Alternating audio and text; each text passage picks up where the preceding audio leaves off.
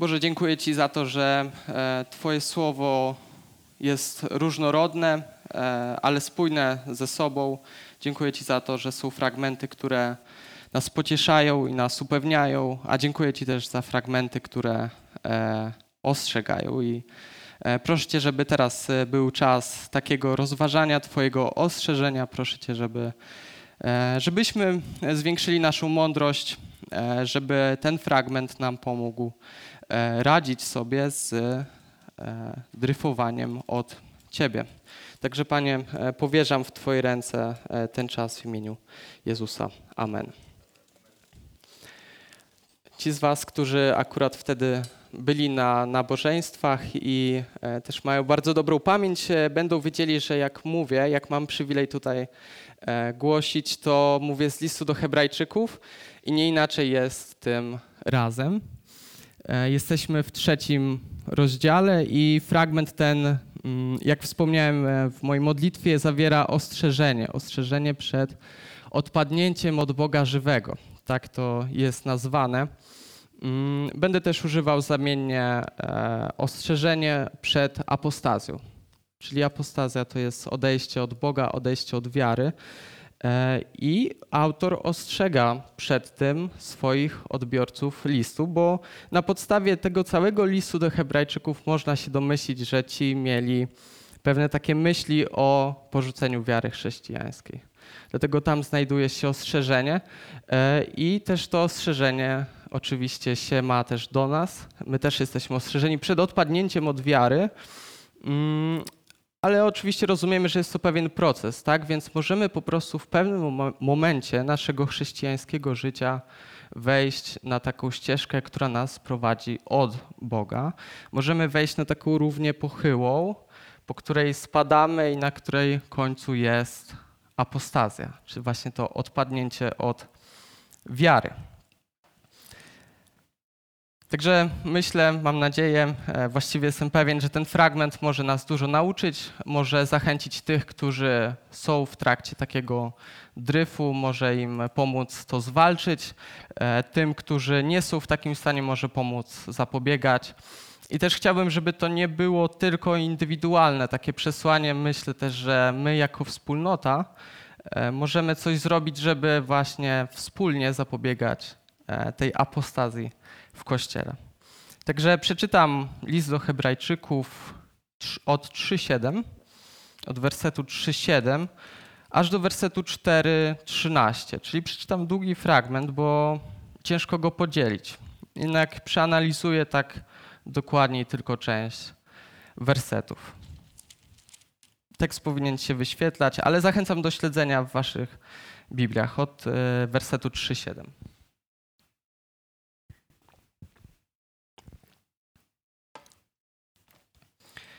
Dlatego jak mówi Duch Święty, dziś, jeśli głos Jego usłyszycie, nie zatwardzajcie serc waszych jak podczas buntu, w dniu kuszenia na pustyni, gdzie kusili mnie ojcowie wasi i wystawiali na próbę, chociaż oglądali dzieła moje przez czterdzieści lat. Dlatego miałem wstręt do tego pokolenia i powiedziałem, zawsze ich zwodzi serce. Nie poznali też oni dróg moich, tak iż przysiągłem w gniewie moim, nie wejdą do odpocznienia mego. Baczcie, bracia, żeby nie było czasem w kimś z was złego, niewierzącego serca, które by odpadło od Boga żywego. Ale napominajcie jedni drugich każdego dnia, dopóki trwa to, co się nazywa dzisiaj, aby nikt z was nie popadł w zatwardziałość przez oszustwo grzechu. Staliśmy się bowiem współuczestnikami Chrystusa, jeśli tylko aż do końca zachowamy niewzruszenie ufność, jaką mieliśmy na początku. Gdy się powiada, dziś jeśli Jego głosu słyszycie, nie zatwardzajcie serc waszych jak podczas buntu, kto to byli ci, którzy usłyszeli, a zbuntowali się? Czy nie ci wszyscy, którzy wyszli z Egiptu pod wodzą Mojżesza? Do kogo to miał wstręt przez 40 lat, czy nie do tych, którzy zgrzeszyli, a których ciała legły na pustyni? A komu to przysiągł, że nie wejdą do odpocznienia Jego, jeśli nie tym, którzy byli nieposłuszni? Widzimy więc, że nie mogli wejść z powodu niewiary.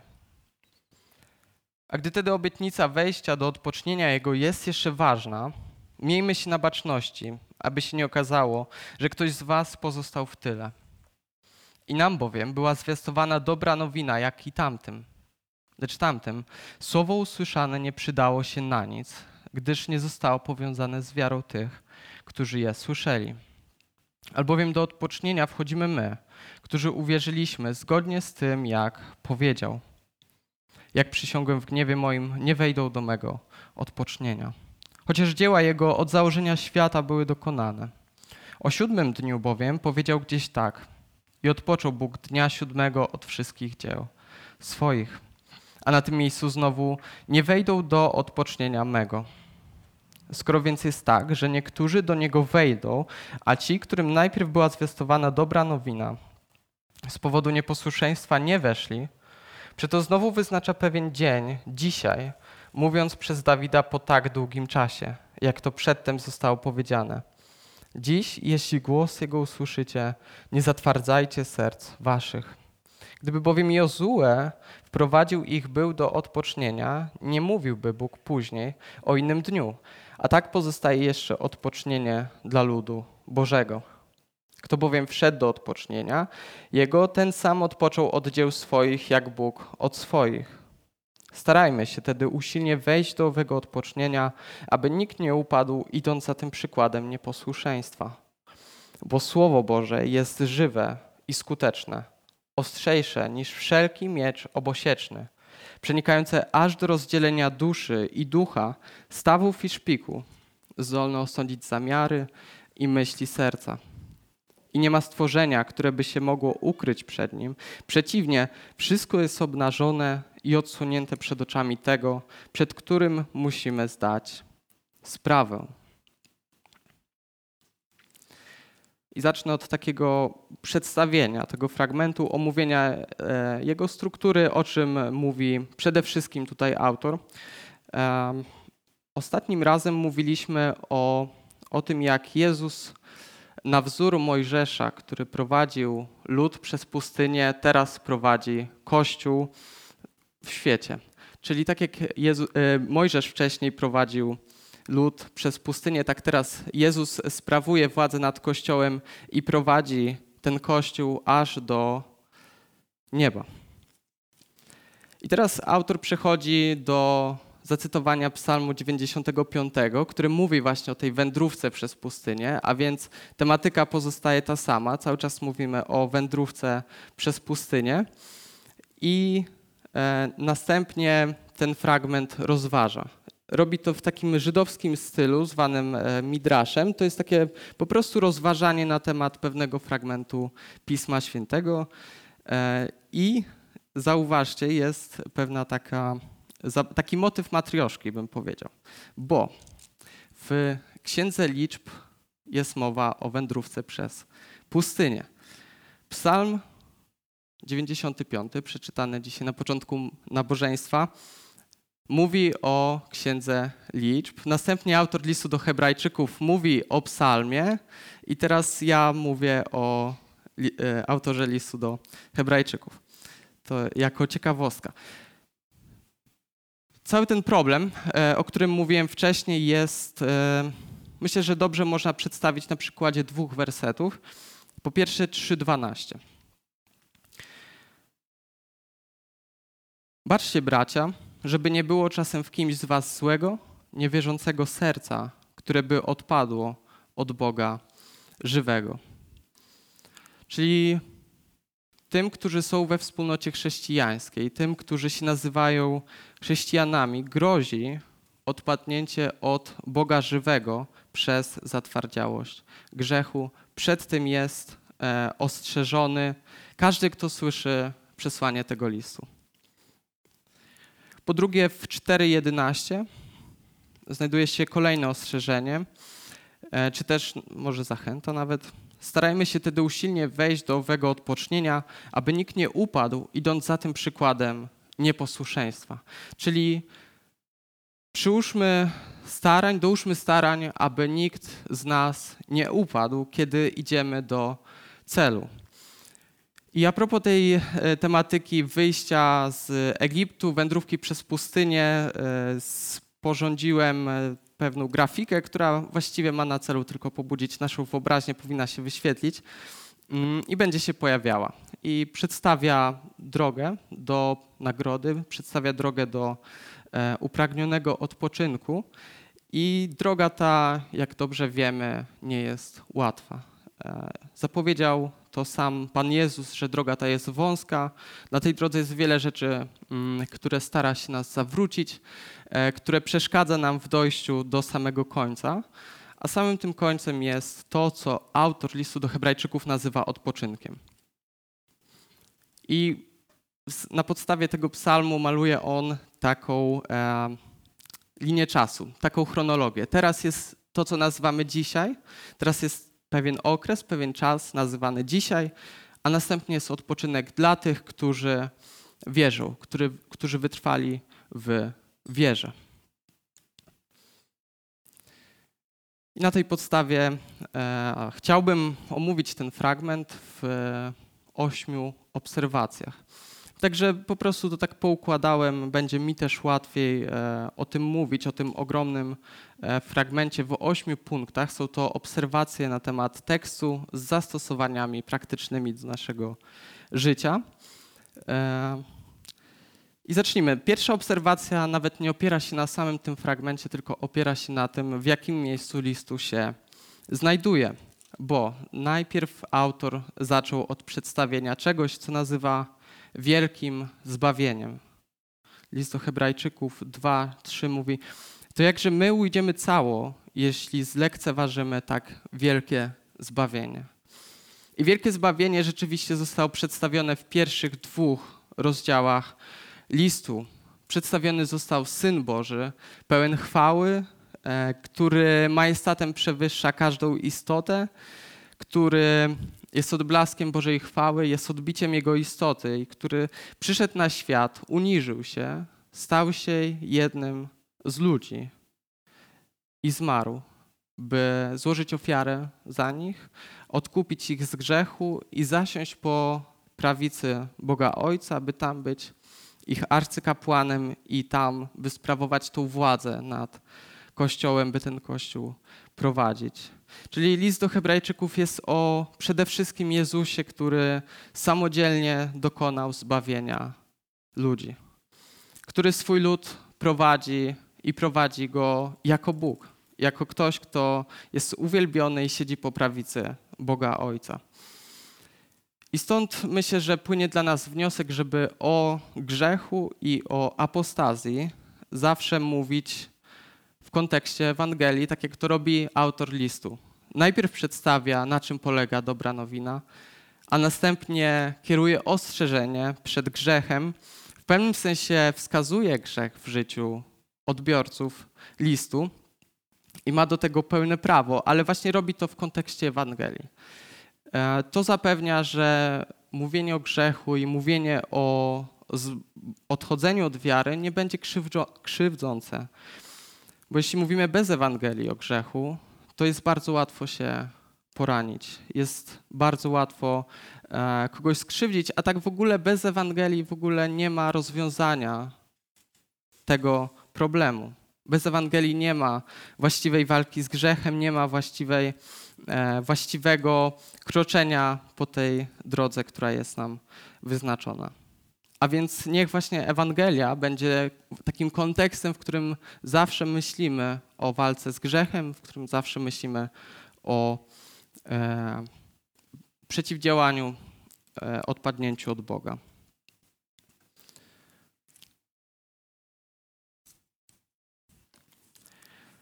Druga obserwacja na podstawie wersetu siódmego. Dziś jeśli Jego głos usłyszycie, nie zatwardzajcie serc waszych. I tu widzimy taką niesamowitą prawdę, że Słowo Boże ma taką moc, że albo jesteś mu posłuszny, albo zatwardzasz swoje serce przeciwko niemu. Słowo Boże penetruje umysły ludzi i dociera do ich e, umysłów w ten sposób, że albo je odrzucą, albo e, je przyjmą po prostu dzieli e, ludzi na dwie kategorie. Myślę, że też mniej więcej to ma na myśli autor pisząc w 4.12. Słowo Boże jest żywe i skuteczne, ostrzejsze niż obosieczny miecz. Odwołuje się właśnie do tego głosu, który kiedy słyszymy, mamy go nie odrzucić. I nie ma właściwie takiej rzeczy na świecie, e, z którą by tak było. Na przykład nie muszę zatwardzać grzesznie swojego serca, aby odrzucić nauczanie Koranu. Tak samo z Księgą Mormona. Po prostu nie muszę się uciec do zatwardziałości, nie muszę sprawić, by moje serce było jak z kamienia, aby nie dopuścić do siebie jego nauczania. Ale by odrzucić głos Pana Boga, muszę się uciec do grzesznej, upartej postawy. Przeczytam y, cytat Johna Owena, który właśnie o tym mówi. Taka jest natura, skuteczność i moc głosu czy słowa Bożego, że ludzie nie mogą się jemu oprzeć ani go znieść bez grzesznego zatwardzania samych siebie przeciwko niemu. I kiedy odpływamy od Boga, kiedy wchodzimy właśnie na tą drogę, która się kończy odpadnięciem od wiary, to zawsze polega to na negacji tego, co mówi do nas Słowo. Zawsze pod tym kryje się jakiś bunt. I to jest powód właściwie każdego odejścia od Boga. Dlatego też ludzie odchodzą od wiary, odchodzą od Kościoła. E, jest ku temu właśnie taki powód. Jest to e, pewien bunt przeciwko Słowu Bożemu. I też jest tak, że ta zła droga, na którą możemy wejść, zawsze się wyraża w postaci niewiary, niewiary w to, co mówi Boże Słowo. Jest to pewne e, zanegowanie tego, co mówi Boże Słowo. E, zazwyczaj się tak dzieje przez to, że zaniedbujemy po prostu lekturę Pisma Świętego. Pismo Święte w ludziach wierzących wzbudza wiarę. Lektura Pisma Świętego nigdy jej nie tłamsi, więc kiedy pojawia się w nas negacja i pojawia się w nas niewiara, to zazwyczaj jest to spowodowane zaniedbaniem tej dyscypliny, dlatego przyłóżmy do tego starania. Trzeci, trzecia obserwacja Teraz już z wersetu 12.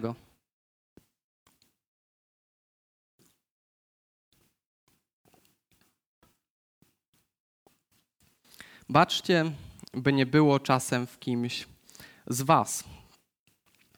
Fragment ten bardzo wyraźnie, mam na myśli cały fragment, ale szczególnie ten werset, bardzo wyraźnie podkreśla rolę wspólnoty w tym, byśmy dotarli do samego końca w wierze. Nie da się mówić o dobrych warunkach do walki z grzechem i słabościami ciała bez społeczności z innymi ludźmi. Dlatego rozwiązaniem jest tworzyć wspólnotę e, w lokalnym zborze i być jej częścią. Jeśli chcesz komuś pomóc, wytrwać w wierze, uczestnicz w życiu Kościoła. Mówi o tym ten sam list, werset 10-24. Pobudzajcie się do miłości i dobrych uczynków, w jaki sposób pobudzajcie się do miłości i dobrych uczynków, nie opuszczając wspólnych zebrań. Dlatego takie pilne i aktywne uczestniczenie w życiu wspólnoty jest właśnie działaniem e, na rzecz innych i dla naszego własnego dobra, by nie wejść właśnie na tą równie pochyłą, nie, nie zacząć dryfować od Boga. Przechodzimy do obserwacji numer 4 z wersetu 13. Ale napominajcie jedni drugich. Właściwie cały czas mówimy tutaj o życiu we wspólnocie. E, napominajcie, czy też zachęcajcie jedni drugich, bo to można na dwa sposoby przetłumaczyć. Napominajcie lub zachęcajcie. E, I myślę, że mówimy tutaj o intencjonalnym, i chcę to podkreślić, intencjonalnym wpływie na drugą osobę. Czasem wystarczy po prostu mieć świadomość, że nasza postawa zachęci lub zniechęci naszą e, drugą osobę. Oczywiście bardzo wartościowe i konieczne też są w zborze relacje bardziej e, osobiste, oparte na dzieleniu się grzechem oraz na e, pewnym wskazywaniu go w życiu drugiej osoby. To, to właśnie myślę, że jest napominanie. E, jest jeszcze jedna rzecz, do której e, te, to zdanie nas zachęca, bo mówimy właśnie o budowaniu takiej społeczności, w której jest możliwość dzielić się grzechem, są do tego odpowiednie warunki. I porównałbym to do kultury, jaka panuje w saunie. Jest mało takich miejsc w sferze publicznej, żeby można było się rozebrać do naga i nie byłoby to dziwne.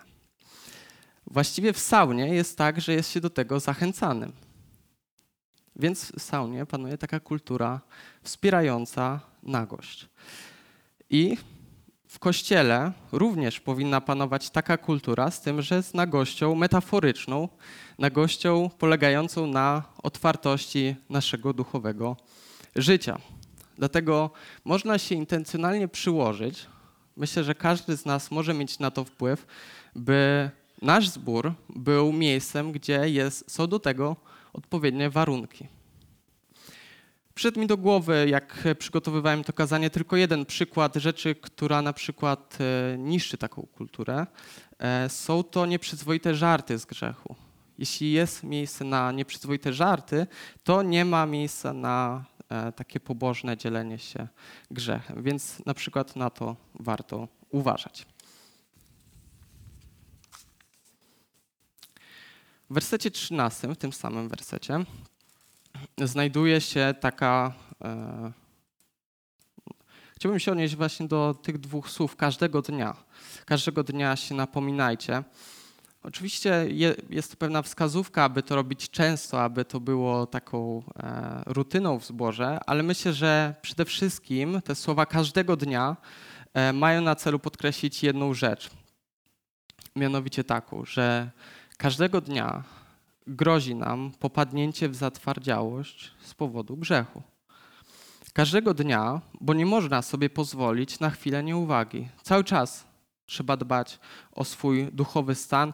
Nie można sobie pozwolić na chwilę, kiedy wydaje mi się, że mi to nie grozi.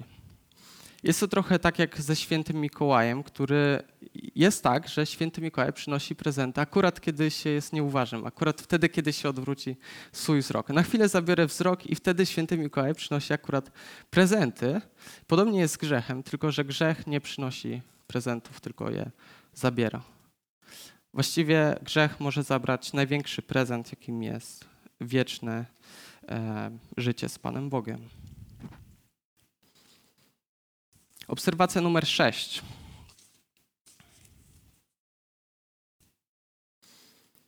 Popadł w zatwardziałość przez oszustwo grzechu, oszustwo lub zwodniczość. E, właściwie zwodniczość jeszcze zawiera w sobie taki element, że grzech się mieni czymś dobrym, a takim nie jest. Dowiadujemy się tutaj dużo o tym, jaka jest natura grzechu. Jest kłamliwy i zwodniczy. Grzech ma w swojej naturze nas mylić i wodzić nas, zwodzić nas. Grzech nigdy nie przedstawia się po imieniu. Nigdy nie podaje się za to, czym jest. Grzech zawsze mieni się jako coś pięknego, pożądanego, potrzebnego. Grzech jest jak podstępna kobieta z Księgi Przysłów, która uwodzi mężczyznę i myśli on, że jest tak piękna i tak godna pożądania, ale jej usta okazują się być wrotami do krainy zagłady. I taki jest grzech. Grzech jest tak przebiegły, że w księdze rodzaju jest uosobiony. Nadane mu są tam cechy ludzkie. U drzwi czyha grzech, kusi cię, lecz ty masz nad nim panować. Mówi Bóg do Kaina. U drzwi czyha grzech, kusi cię, lecz ty masz nad nim panować. I wyobraźmy sobie e, obraną cebulę, ob, oblaną e, gorącą czekoladą. Powstaje nam cebula w takiej polewie czekoladowej i wyobraźmy sobie, że widzimy taki przysmak, jak nam się wydaje. E, wydaje się on być warty spróbowania, gryziemy go i w ostateczności zbiera nam się na wymioty. Myślę, że grzech jest czymś o wiele gorszym. Grzech jest jak dzbanek zimnej, świeżej wody na pustyni, z tym, że dzbanek ten zawiera cyjanek potasu albo inną śmiertelną truciznę. I okazuje się, że nie jesteśmy na pustyni, tylko jesteśmy w piaskownicy. I nie chciało nam się tak naprawdę pić. Myślę, że tak bardzo zwodniczy jest grzech. Grzech jest zawsze przed nami o krok. My go nie potrafimy oszukać, ale on nas potrafi jak najbardziej oszukać. I jest tylko jedna rzecz, która jest w stanie przezwyciężyć zwodniczość grzechu, e, i jest to prawda o nim. Znajomość prawdy o tym, jaki jest grzech, wytrąca najsilniejszą, najbardziej śmiertelną e, broń z ręki grzechu. Właściwie, jeśli znamy prawdę o tym, jaki grzech jest, będziemy o wiele bliżej zwalczenia go, będziemy o wiele dalsi e, popadnięcia w grzech. Więc jeśli nam zależy na tym, żeby nie żyć w grzechu, to po prostu znajmy e, to, jaki jest, znajmy jego naturę.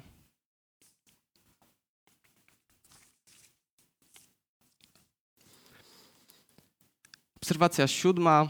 Autor tego fragmentu się dość mocno skupia na tym słowie dzisiaj, które się pojawia w Psalmie 95. I myśli on sobie tak, że w Psalmie 95, który został napisany po wejściu do Ziemi Obiecanej, mowa jest o jakimś dniu, po pierwsze odpoczynku, a więc autor listu do Hebrajczyków sobie myśli, ok, czyli Ziemia obiecana nie była tym odpoczynkiem na który czekamy i myśli sobie, że trwa ten dzień dzisiaj, podczas którego mamy się nawracać. I chcę bardzo wyraźnie powiedzieć, że ten dzień dzisiaj to jest bardzo dobry czas, bo jest to czas nawracania się, jest to czas, kiedy można przyjść do Pana Boga, e, zarówno jeśli się go nigdy nie poznało, oraz jeśli się go kiedyś poznało i e, od niego odeszliśmy. Więc e, jeśli odszedłeś od Pana Boga, zdryfowałeś gdzieś od Niego, nawet przez wiele ostatnich lat, to jest czas, żeby wrócić. Właściwie dzisiaj zgodzisz się, jest piękny dzień, żeby wrócić. I takie znaczenie jest wersetu z drugiego listu Piotra 3,9. Teraz przeczytam ten werset. Drugi Piotra 3,9. Mowa jest o Bogu. Okazuje cierpliwość względem Was, bo nie chce, aby ktokolwiek zginął, lecz chce, aby wszyscy przyszli do upamiętania. I mowa jest, jestem e, właściwie pewien, że mowa jest o tych, którzy są w kościele lub byli w kościele i prawdziwie poznali Pana Boga, ale od Niego odeszli. I oni są zaproszeni do wrócenia do Pana Boga, który czeka, aż ci wrócą. Więc Bóg jest cierpliwy i przyjmuje tych, którzy się od Niego odwrócili na przestrzeni miesięcy czy też lat. I ósmy punkt, to jest ostatni, dotyczy wersetu 14, który jest bardzo ciekawy, chociażby pod względem gramatycznym. Staliśmy się bowiem współuczestnikami Chrystusa, jeśli tylko aż do końca zachowamy niewzruszenie ufność, jaką mieliśmy na początku. Pojawia się tutaj warunek. Z drugiej strony, warunek ten dotyczy rzeczy, która już jest dokonana. Jest to bardzo taka niespotykana konstrukcja. Nie, nie powiem, że szukałem bardzo długo, ale nie znalazłem innej takiej w Nowym Testamencie. Więc mamy fakt dokonany. Staliśmy się uczestnikami Chrystusa i pojawia się warunek, jeśli zachowamy pierwotną ufność. To niemalże pokazuje, że warunek po prostu weryfikuje naszą więź z Chrystusem. Jeśli zachowamy pierwotną ufność, to prawdziwie jesteśmy współuczestnikami Chrystusa. I chcę to podkreślić, że nie stajemy się współuczestnikami Chrystusa na samym końcu wędrówki. Stajemy się współuczestnikami już na samym początku, kiedy wyraziliśmy pierwszą wiarę w Niego. Nawet najsłabszy, najsłabsze uchwycenie się Jego obietnic, uchwycenie się Jego osoby e, jako Zbawiciela sprawia, że stajemy się współuczestnikami mm, Jego. E, jest to Syn Boży, jest to osoba pełna chwały, więc jest to rzecz niebywała być współuczestnikiem Chrystusa. Oznacza to że Chrystus i Jego błogosławieństwa są na naszą korzyść. Wszystko to, co Chrystus wypracował, jest dla nas, przynosi nam błogosławieństwo. Uczestniczymy również w Jego naturze, w Jego ludzkiej naturze, uwielbionej teraz i czekamy na to, aż będziemy e, z Nim w tym uczestniczyli. E, I ten werset pokazuje przede wszystkim, że rozchodzi się o to, jak mocno trzymasz się Chrystusa. To jest tak naprawdę najważniejsza rzecz z tego fragmentu i to, o tą oś warto się zahaczyć w naszym życiu duchowym. Po niej można poznać wszystko. Jeśli nasza więź z Chrystusem staje się coraz słabsza, to nie jest dobrze, powinna być coraz lepsza. E, I fragment ten nie wzywa nas do zapracowania sobie na nowo na zbawienie, nie wzywa nas do takiego niezdrowego strachu, by znów stać się uczestnikami Chrystusa, ale zachęca nas, aby tą pierwotną ufność do niej wrócić i ją rozwijać. Nie musi być ona właściwie tak emocjonalna, jak była wcześniej. Myślę, że musi być po prostu silna. Nasza zależność od naszego Zbawiciela powinna być silniejsza z każdym dniem, i do tego myślę, że zachęca nas ten fragment do rozpatrzenia naszego życia duchowego i tego, gdzie jesteśmy w tej duchowej wędrówce, właśnie na tej podstawie. I śpiewaliśmy dzisiaj o tym, by zwrócić swój wzrok na Jezusa, i jest to zdecydowanie najważniejszy wniosek z tego fragmentu. Zwrócić swój wzrok na Jezusa, kiedy dotyka nas śmiertelna dłoń, kiedy dotyka nas e, walka z grzechem. To był właśnie ósmy wniosek, mój ostatni, więc podsumuję pokrótce. Rzadko biegam, e, nie jestem wielkim fanem tego sportu, ale jak biegam i tracę siły, to lubię się tak uderzyć w policzki, tak żeby lekko zaszczypało, bo wtedy po prostu znów mam siły, by biec dalej. Nie chcę przestać. I myślę, że podobnie działa ten fragment. Znajduje się w nim ostrzeżenie dość no, takie poważne jest śmiertelnie poważne, bo zagrożeniem jest śmierć. I autor, e, tak jak e, traktuje tych, do których pisze, tak też traktuje nas, wzywa nas do dbania o tego we wspólnocie oraz indywidualnie, indywidualnie oraz we wspólnocie, do tego, by dbać o to, abyśmy my nie odpadli i o to, aby nikt nie odpadł. Amen.